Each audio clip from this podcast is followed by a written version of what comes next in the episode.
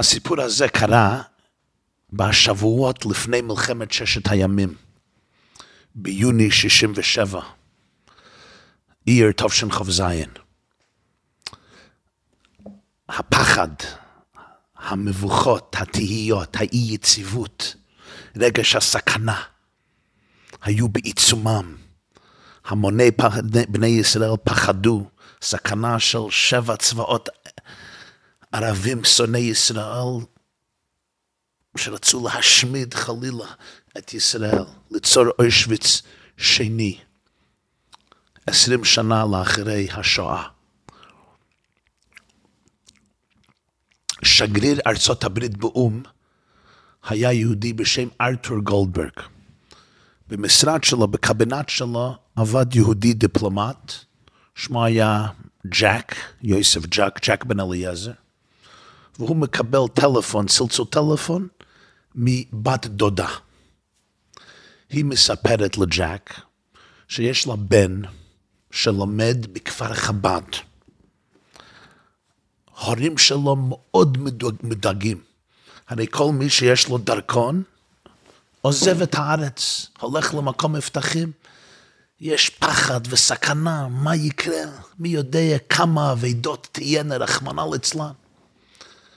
הבן הזה, אמריקאי, מסרב לעזוב. למה? הרבי מלובביץ' אמר בשבועות לפני מלחמת ששת הימים שארץ ישראל זה מקום בטוח. הנה לא ינום ולא ישן שומר ישראל, ויהיה פה ניצחון ענקי וניצחון גדול.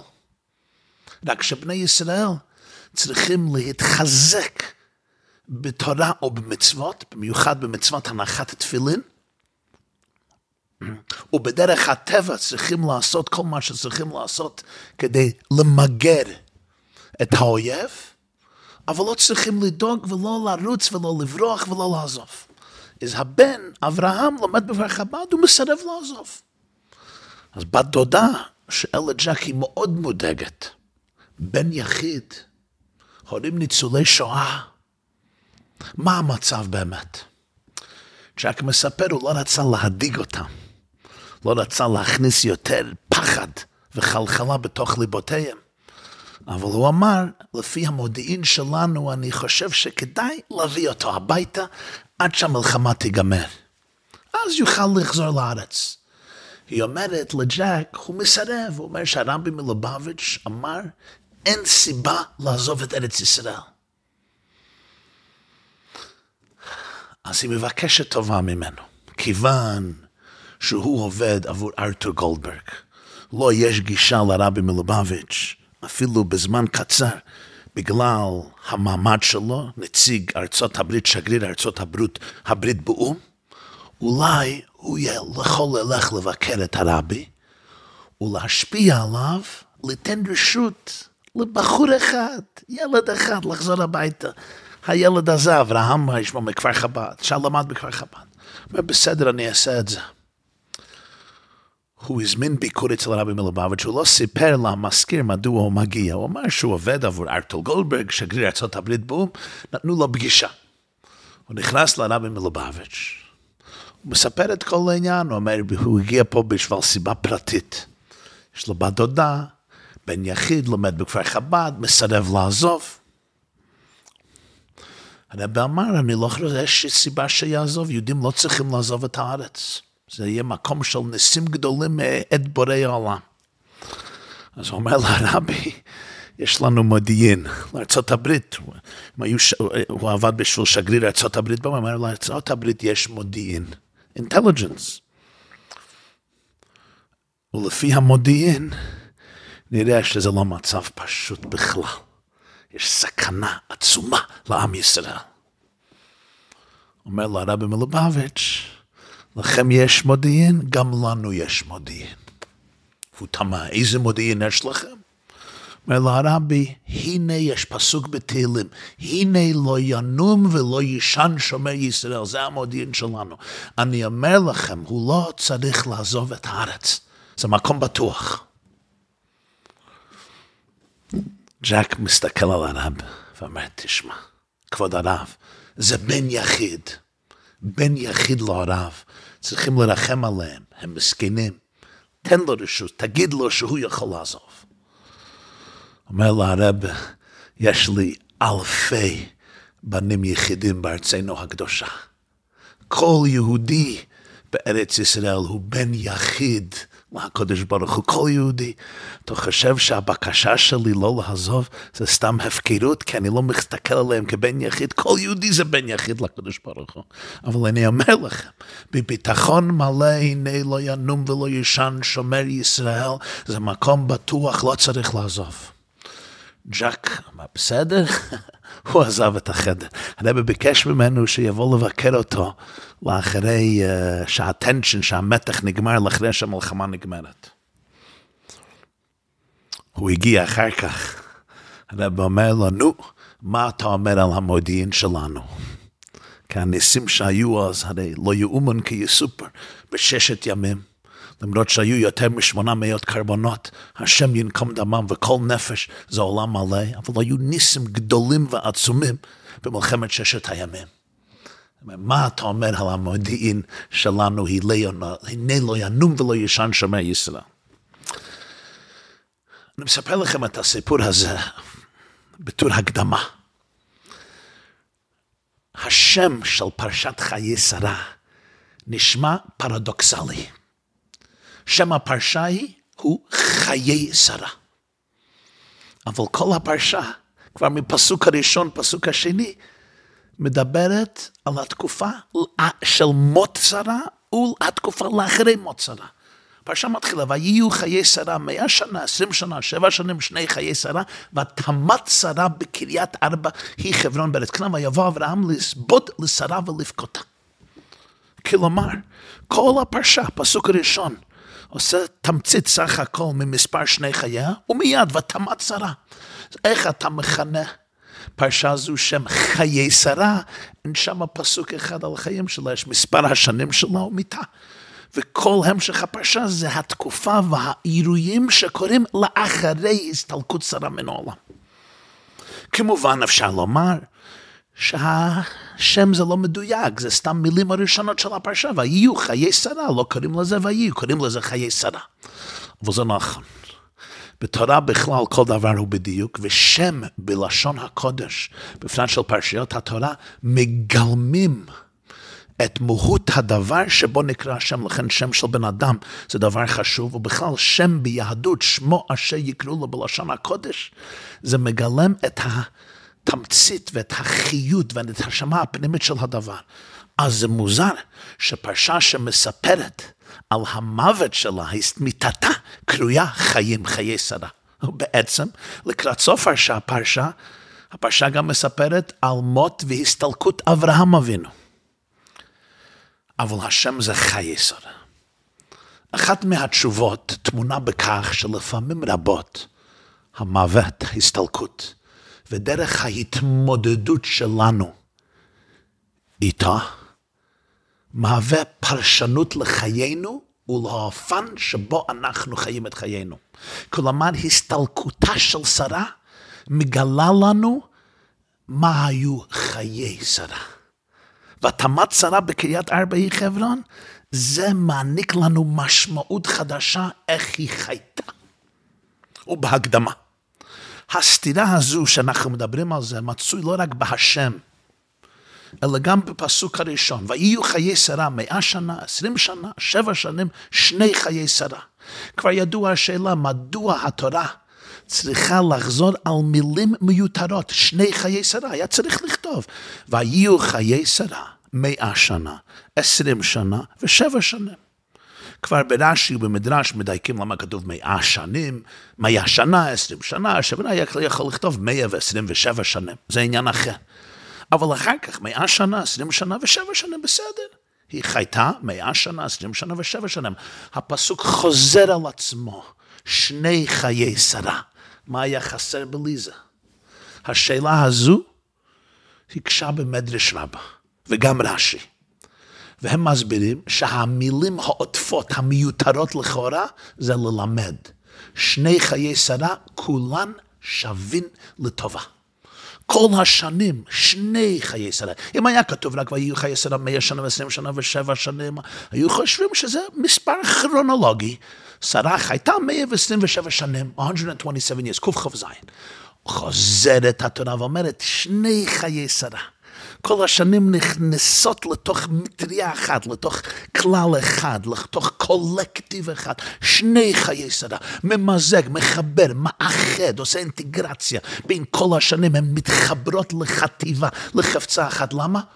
שני חיי שרה, כולן היו שווים לטובה. אז הפסוק לא בא, לא בא לתאר רק סדר כרונולוגי של שנות חייה של שרה אימנו, בא לתאר גם כן תכונה פנימית שעברה בהם כחוט השני, קו המאחד את כל השנים יחד. מה היה הקו המאחד? שני חיי שרה, כולן שווים לטובה. ופה לכאורה צריך ביאור. איך אפשר לומר על אישה שרוב ימיה עד גיל 90 הייתה עקרה, ותהי שרי עקרה אין לו ולד, אומרת, אומרת, אומרת התורה. רק בגיל, בגיל 90 נפקדה ונולד יצחק. איך אפשר להגיד שכל ימיה היו זיים? עשרות שנים חלמה, צמא, טבע תשוקה לילד. ודאי יש הבדל עצום בין שנות העקרות הארוכות לשנות האימהות כשסוף סוף ילדה ילד, יצחק. ובכלל, בחייה היו עליות ומורדות מן הקצה לקצה. כלום לא נלקחה פעמיים, נלקחה בשבי. לארמונות מלכים זרים, במצרים, פרעה, בגרר, מלך פלישתים, בעזה היום. לא לקחו רשות ממנה. היא טענה שהיא אחותו של אברהם אבינו, אברהם אמר, אחותי היא, ולקחו אותה, לקחו אותה באונס. אילצו אותה בל קרחה ללך לפרעה, ללך לאבימלך.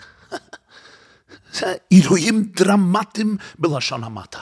בנוסף לכאב של שנות ההכרות הרוחות שלו, בלי ילד. ומה בנוגע להתעמרות והמרידה של שפחתה הגר בגבירתה, לאחרי שבעצת שרה לקח אברהם את הגר לאישה שנייה, והיא הרתה לו ונולדה ישמעאל ונולד ישמעאל, והיא מרדה נגד שרה. ועוד ועוד, היו נידודים. בגיל מסוים עקרו, לך לך מארצך מלדך בית אביך לארץ אשריך, אברהם ושרה, עקרו את עצמם והתחיל מסע חדש. היה מסע ארוך, מפרך, היו שינויים דרסטיים. בחיי אברהם, בחיי שרה. רצופים אכזבות, רצופים ניצחונות, רצופים עליות, רצופים ירידות. איך אפשר להגיד ככה בפשטות? כל שנותיה היה המחיה, היו טובות באותה מידה, כולן שווים לטובה. אחר כך יש תמיהה נוספת.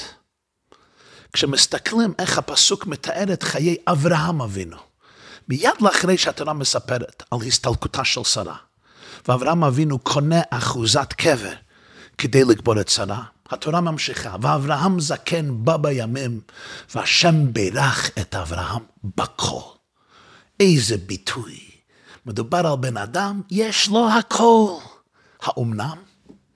הלא שבע פעמים הבטיח לו האלוקים את ארץ כנען. שבע פעמים כבר.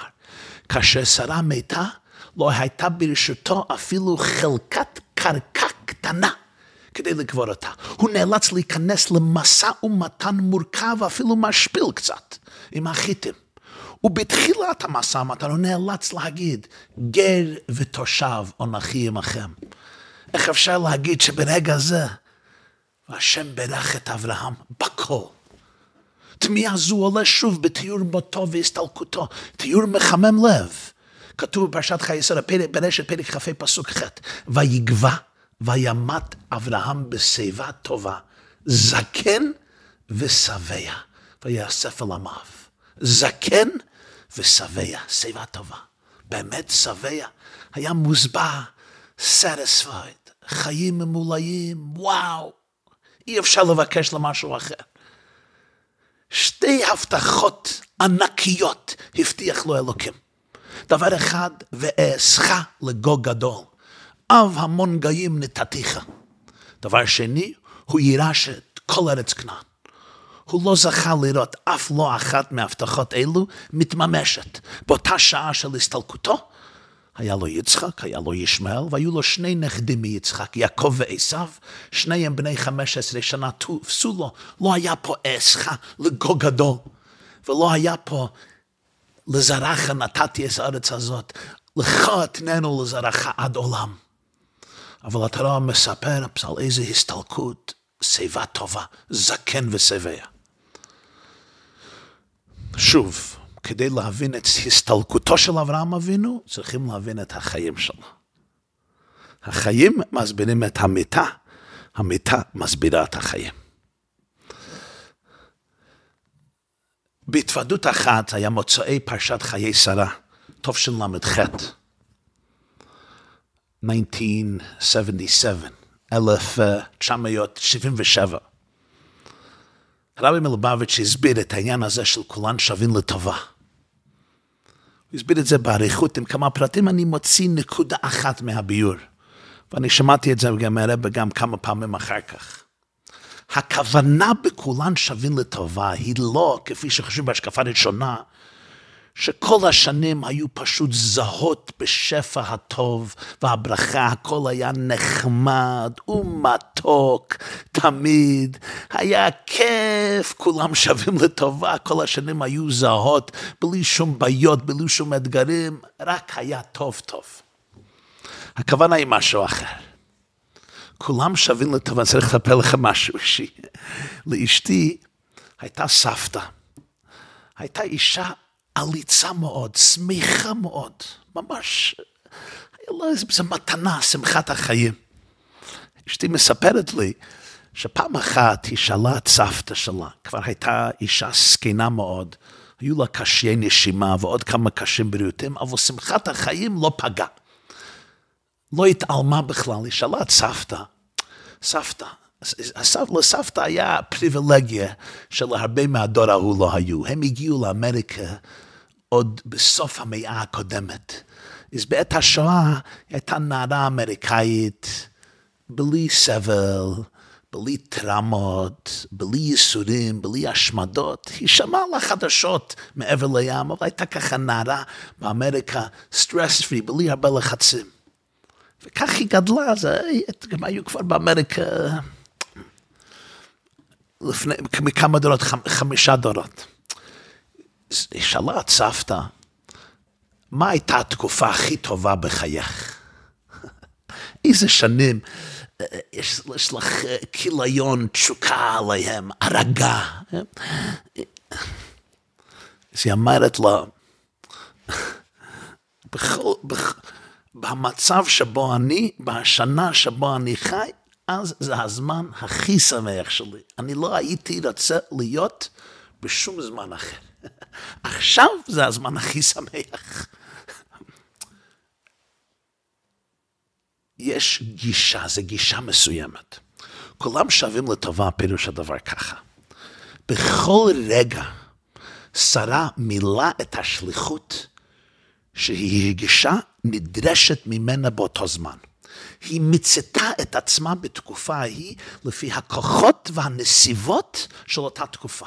כלומר, בכל יום של חיי שרה היא ביצעה את העבודה שהייתה מיוחדת עבורה באותה שעה לפי הנסיבות ולפי הכוחות שהיו לה. בכל יום יש מה לעשות, בכל יום יש מה לתקן. לא היה אצלה מושג של אה, יום זה, שנה זו, חודש זה, שבוע זה, it's a waste of time. תקופה זו זה לשוב, סתם שימום, ביטול זמן, זה הכל נגטיבי. הכל שווין לטובה פירוש, בכל מצב היא מצאה ומיצתה את הפוטנציאל, את האפשריות, את הטוב הטמון בזמן זה. את השליחות שנמצאת באותו מקום. ולכן כל רגע היה טוב מבחינה זו שהיה בו משמעות, אפילו בזמנים של שלילה, אפילו בזמנים של אכזבה, אפילו בזמנים של כאבים גדולים. זה היה חלק מצמיחתה, חלק ממילוי היעד שלה בחיים. מכל דבר, מכל אדם, מכל סיטואציה. אפשר לגדול, אפשר לשגשג, אפשר לצמוח, צריך ללמוד מזה כדי להתקדם בחיים. אבל שם אמר פעם, כתוב בתהילים ט"ז, שיביסי השם לנגדי תמיד. בפשטות שיביסי פירוש, אני שם השם לנגדי תמיד. הוא אמר, שיביתי זה גם מלשון השתוות. כשהשם לנגדי תמיד יש השתוות בחיים, equanimity, יש איזה השתוות, איזה מנוחת הנפש, מה הפירוש? זה לא שכל יום זהה, זה לא שאין בעיות, זה לא שהכל מתוק ונחמד וממש, אין לי שום לחץ, אין לי שום אתגרים, אין לי שום מבוכות, לא. כיוון שהשם לנגדי תמיד, אז הוא מאמין שבכל רגע יש משמעות, בכל חוויה יש תכלית. בכל חלק ממסע החיים יש כוונה. זה לא, יום זה יום אבוד, אני לא במצב רוח. ביום זה הייתי במצב זה, במצב זה, ולכן זה סתם ביטול זמן, לא. שיוויתי, יש איזו השתוות. אולי השליחות של יום זה מאוד שונה מהשליחות שלי מאתמול, או מהשליחות שלי מחר. אולי בתקופה זו זה שליחות לגמרי אחרת. אבל כולם שווים לטובה. לפי מה שנדרש ממני באותו זמן, I'm living life to the fullest. אני חי את החיים שלה, שלי בצורה הכי אותנטית, בצורה הכי מעמיקה, בצורה הכי פנימית, בצורה הכי אמיתית, בצורה הכי מחוברת. אני מסתכל מה אלוקיך שואל ממני ביום זה, בשעה הזו, ברגע זו, ואולי בשעה הבאה זה ישתנה לגמרי.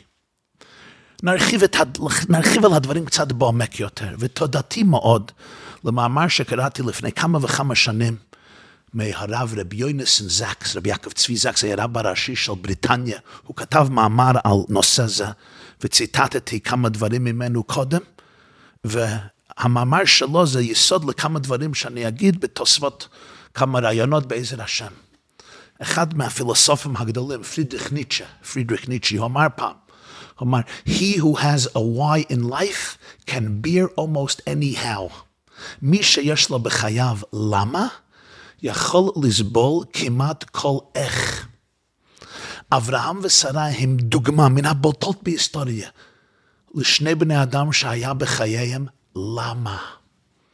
כל מסלול חייהם התהווה כמענה לקריאה לשליחות ליד. סיפור החיים שלהם היה מענה, היה הד להכרזת השם, ויאמר השם על אברום, לך לך מארצה ומולדתך מבית אביך לארץ אשר עריך ואזכה לגו גדול ואברך וגדל שמך ויהיה ברכה, ונברכו בך כל משפחות האדמה. הוא ביקש מהם לצאת, לעזוב את ביתם ואת משפחתם, לצאת ליד בלתי ידוע לארץ אשר עריך.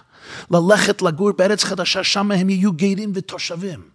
אבל לחיות חיים של צדק ויושר ומוסר, מלאי אהבת השם ויראת השם מתוך אמונה שלמה, כי ככה הם יצעדו וייצרו את הצעד הראשון בבניית עם. ארץ, אמונה ודרך חיים, שסוף סוף כל משפחות האדמה ימצאו ברכה בהם. אז כל רגע היה ממולא משמעות, שליחות, תכלית. כתוב, אברהם ושרה לקחו את הנפש אשר עשו בחרן. הם יצרו נפשות, כי הם נפחו לתוך הנשפות רגש של שליחות של יעד. למה? החיים שלך זה לא סתם טעות ועוד טעות, זה סתם רנדום, זה סתם אקראי, מקרה ועוד מקרה. השליחות היא לא תמיד זהה, כפי שאמרנו. בכל יום יש קריאה אחרת, יש אתגר אחר, יש הזדמנות אחרת. לפעמים זה יום קל יותר, יום קשה יותר, יום שלפעמים אני צריך לטפל בדברים עמוקים, בדברים מסובכים, או בפנים או בחוץ. לפעמים אני צריך להסתכל על אתגר בעיניים, להסתכל על כאב בעיניים, ולא ליפול לייאוש, ולא להחמיץ את ההזדמנות לעשות מה שמוטל עליי דווקא במצב זה. לפעמים אני צריך לטפס על הר, לפעמים השליחות שלי זה לרד, לרד לתהום ולהגביה מישהו. לפעמים אני זוכה לשב בבית השם, להתענג על השם. שיוויתי השם לנגדי תמיד. יש השתוות בעניין זה שאני מבין שבכל יום אני יכול לגדול. ולכן כל שנותיה של שרה היו טובות באותה מידה. כולם שווים לטובה. למה? היא ידעה שהיא מילאה את התכלית. היא ידעה ביום זה, I gave it all I got, I got. עשיתי ככל אשר ציוויתני, כמו שאומרים בפרשת כי תבוא בווידוי מעשה. דיברנו בשיעור אשתקד על העניין של ואברהם וזקן, אברהם וזקן, עשרה זקנים באים בימים, אברהם זקן בא בימים, נכנסו לתוך הימים, זה הכל חלק מרעיון גדול, מרעיון אחד. ולכן התורה מייחסת לשרה מה שהיא מייחסת לאברהם אבינו, תחושת שלווה, תחושת רוממות, שיסודה ביחס רגוע אל החיים.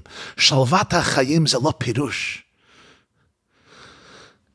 שאין לי קושיים, שאין זמנים קשים, אבל פירוש שאני תמיד מחובר ודבוק למקום מאוד פנימי. אני מעוגן בעצמיות שלי. אני קשור עם למה, כי אני קשור לנשמה שלי, והנשמה יודעת שיש פה תכלת, שזה לא סתם הפקר ולט, זה לא הפקר פפקר.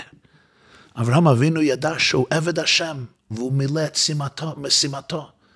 אברהם ידע שכל מה שקרה לו, גם הרע והמר, היה חלק מהמסע שאלוקים שלח אליו עליו, שלח אותו על המסע הזה, ביחד עם שרה. באמונה, בביטחון, הלכו גם בגיא צלמובס בלידה, גם כי ילך בגיא צלמובס לא יראה כתעתה עמדי.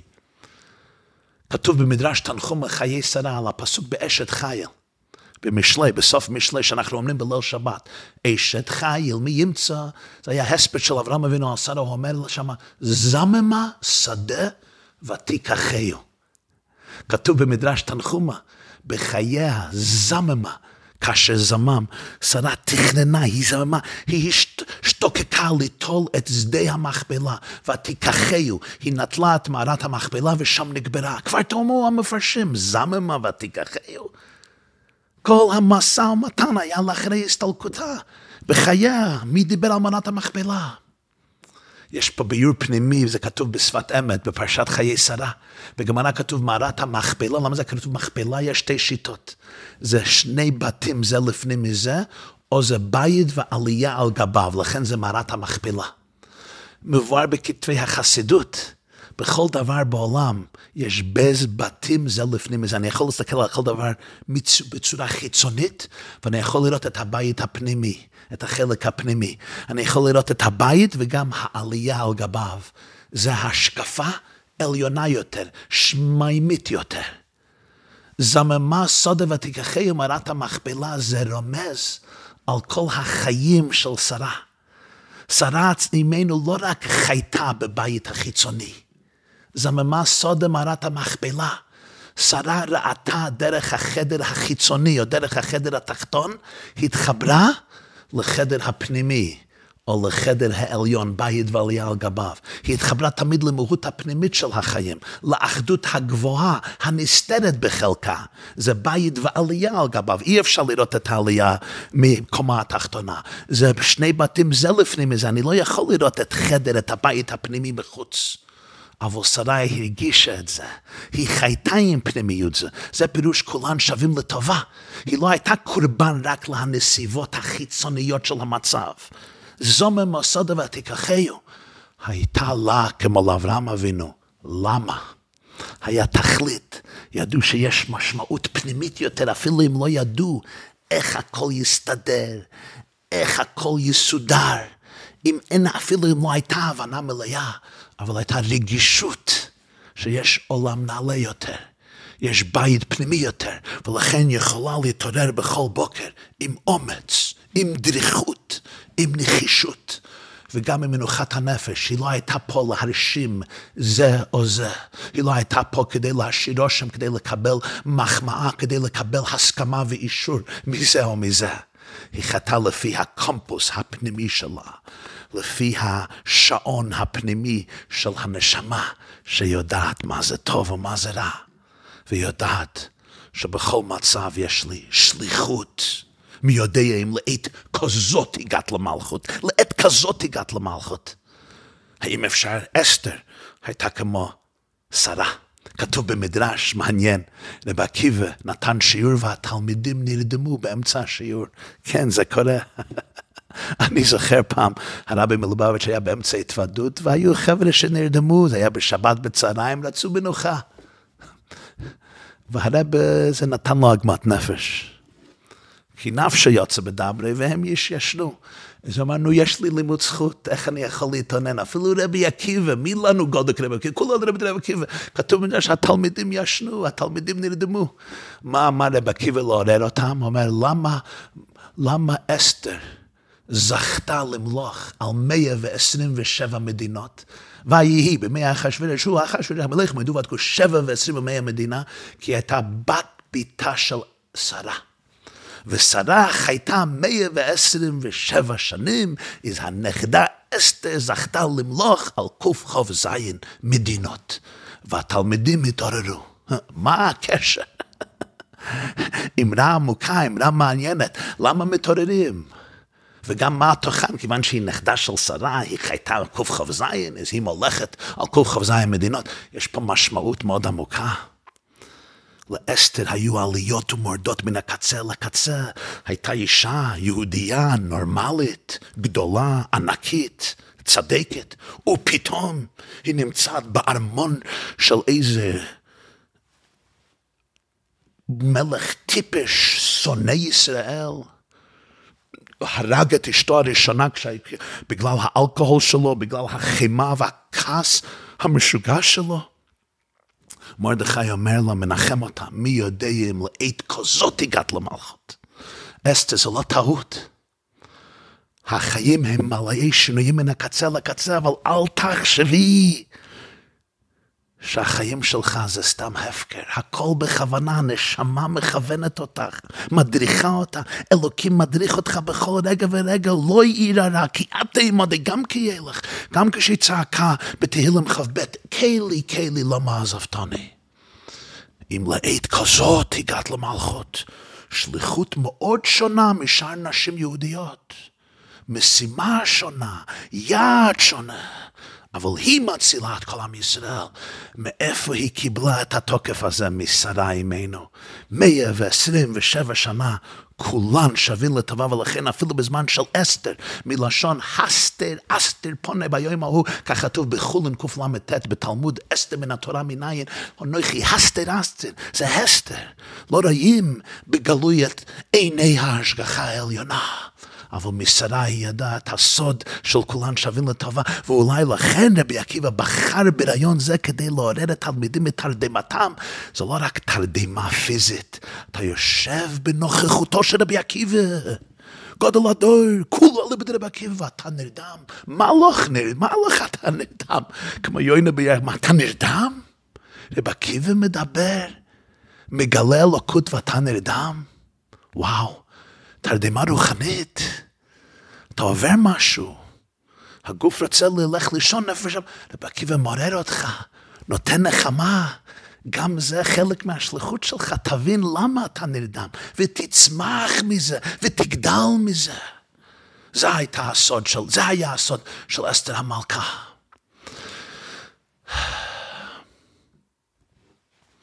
אברהם ושרה ידעו, הסיפוק שבחיים בא מבפנים. לא מבחוץ, בתחושה של ייעוד, של משימתיות. אתה נקרא לדגל. הפנים דיבר על אברהם ושרה, לא החוץ. האמונה הפנימית, לא נסיבות החיים הטורדות. בהסתלקות אברהם אפשר להגיד, בסבב טובה, זקן ושבע. השם ברך את אברהם בכל, בכל מה שהיה נחוץ לו, כדי למלאות את השליחות שלו על ליד האדמות שהוא מילא בהצלחה. זה נכון אצל כל אחד מאיתנו, וזה אמונה. אמונה עוזרת לנו למצוא את הלמה המאפשר לנו לשאת, לשאת כמעט כל איך בחיים. If you have a why, you can deal with any how. שלוות הסתלקותם של אברהם ושרה היא עדות נצחית איך הם חיו. זה אומר לנו מה חיו חיי שרה, מה היו חיי אברהם אבינו. חיים פנימיים, מעוגנים בעצמיותיות, בעצמיות, באותנטיות, באלוקות. זה עניין של אמונה. בתקף, בתקופתנו המאתגרת, בתקופ, בתקופתנו הכואבת. הרי יש כאב עצום. יש כאב גדול, אי יציבות, שאלות, תהיות, מבוכות. ורואים שבמצב זה אמונת עם ישראל מתגלה במלוא עוצמתה. הלמה של החיים מתפרצת כדי לשרוד את האיך. כי כשהחיים ככה הולכים על מי מנוחות, אני לא נאלץ להסתכל בפנים. אני יכול לחיות, לחיות בצורה יותר שטחית, בצורה יותר רדודה, אבל במצבים כואבים, אני נדרש, נתבע ממני להיכנס לעצמיותי, וזה מה שרואים היום בארץ ישראל, בכל עם ישראל, כמובן בארץ ישראל, אבל גם בכל העולם. זקוקים ללמה. אני לא פירוש למה מבחינה אינטלקטואלית להבין למה זה קרה, למה זה קרה. כשדיברנו בשבוע שעבר, קשה להבין המון דברים שהם חלק ממסתורי החיים, נסתרים דרכי השם. אני מדבר למה, להבין מה השליחות שלי, מה היעד שלי. למה אני פה? מה זה יהודי? מי אני בעצם ובפנימיות? צריכים את הלמה הזו כדי לשרוד את האיך. וזה כוח האמונה. אמונה זה הקול של הנשמה, שאומר יש תכלית, יש יעד, אין טעות, אתה לא טעות. שיהיה לך כבוד ואהבה עצמית פנימית לנשמה הפנימית, וזה להעיר לכל הסביבה, לכל העולם. וזה רואים בכל מקום. אפילו אצל אלה שלא חשבו שזה קיים, אבל זה ודאי קיים. וזה מתפרץ. היום כל יהודי מרגיש את היהדות שלו ואת זהות היהודית בצורה שלא הייתה לו אח ורע בעשרות השנים האחרונות, בצורה מעוררת השתאות. יהודים רוצים להיות יהודים, ופה יש הזדמנות היסטורית ליתן לזה עוגן. ליתן לזה ממשות בחיים הקונקרטיים, בחיים עלי אדמות. ליתן לעם ישראל הזדמנות לחיות את הלמה הזה בחיי יום-יום. יש היום הזדמנות היסטורית בארץ ישראל ובכל העולם כולו. לב ישראל ערו. בוא לא נחמיץ את ההזדמנות. כל אחד מאיתנו יכול וצריך לצאת מהדלת אמות, שכמובן שזה מתחיל בתוך הדלת אמות, אבל אחר כך לצאת מתוך הדלת אמות. ועם אהבת ישראל ללא מעצורים וללא מגבלות, ובלי שיפוט, שום שיפוטיות, ובלי שום אגו, לאהוב כל יהודי באשר הוא יהודי, ללמוד מהשונא קדושת כל יהודי באשר הוא שם, ללא חילוק לאיזה מגזר ואיזה שכבה ואיזה שיטה ואיזה השכבה. ומתוך האהבה הזו, ליתן לו עוגן להמונה שהיום שמתפרצת. יהודים רוצים ואוחזים במשהו נצחי, בהנה לא יונם ולא איש אשר בישראל, אפילו אם אנחנו לא מבינים המון דברים. היום אפשר ליתן לזה עוגן. קונקרטיות, יציבות, ממשות, ליתן לעם ישראל, כל יהודי, את מתנת התורה, מתנת האמונה, מתנת המצוות בחיי יום-יום, אבל בצורה של אהבה בלי גבולית, כי כל יהודי מחפש לאחוז משהו נצחי ואבסולוטי, מעבר לכל הייסורים והתופת והכאב והזוועות, משהו שמאחד את עמנו ואוחז את עמנו כבר אלפי שנה. הזדמנות היסטורית להגביה את המורל, לרומם את אחינו בני ישראל לדעת כי ימים גדולים לפנינו. אפשרות היסטורית של אחדות ואהבת ישראל. בוא נתאחד ונאהב אחד את השני כפי שאף פעם לא אהבנו. בוא נהיה יהודים כפי שאף פעם לא היינו. אפשרות, התעוררית, אפשרות היסטורית להתעוררות בכל שכבות העם. בתוך החושך והערפל והמצוקה והתהיות והמבוכות. לתן לעם ישראל את הסוד של אברהם אבינו ושרה, את הסוד של זקנו שבע, את הסוד של כולון שווים לטובה, את הסוד של והשם ברך את אברהם בכל. זה לא ברכה שטחית שהכל נחמד, זה הברכה של פרפס. להעניק לכל אחינו ואחיותינו את העוגן הנצחי של עמנו, שבזה עברנו וניצחנו את הכל, וזה כוח האמונה, כוח האחדות, כוח התורה וכוח המצוות. כמובן שצריך לעשות הכל בדרך הטבע, למגר את הרוע, את האכזריות, את הסדיסטיות, את הסדיסטיות, להגן על עמנו וארצנו. הדלק הפנימי של למה זה נותן דלק, וזה נותן חיות, וזה נותן מורל, ועם אהבה, בלי גבול, אפשר להפות היום גדולות ונצורות. שכל עמנו יתאחד במיהותו האמיתית והפנימית, אמונה באלוקי ישראל ודבקות בבורא עולם בחיי יום-יום על ידי התורה והמצוות בחיי יום-יום ששמר עלינו ארבעת אלפים שנה. ットだ。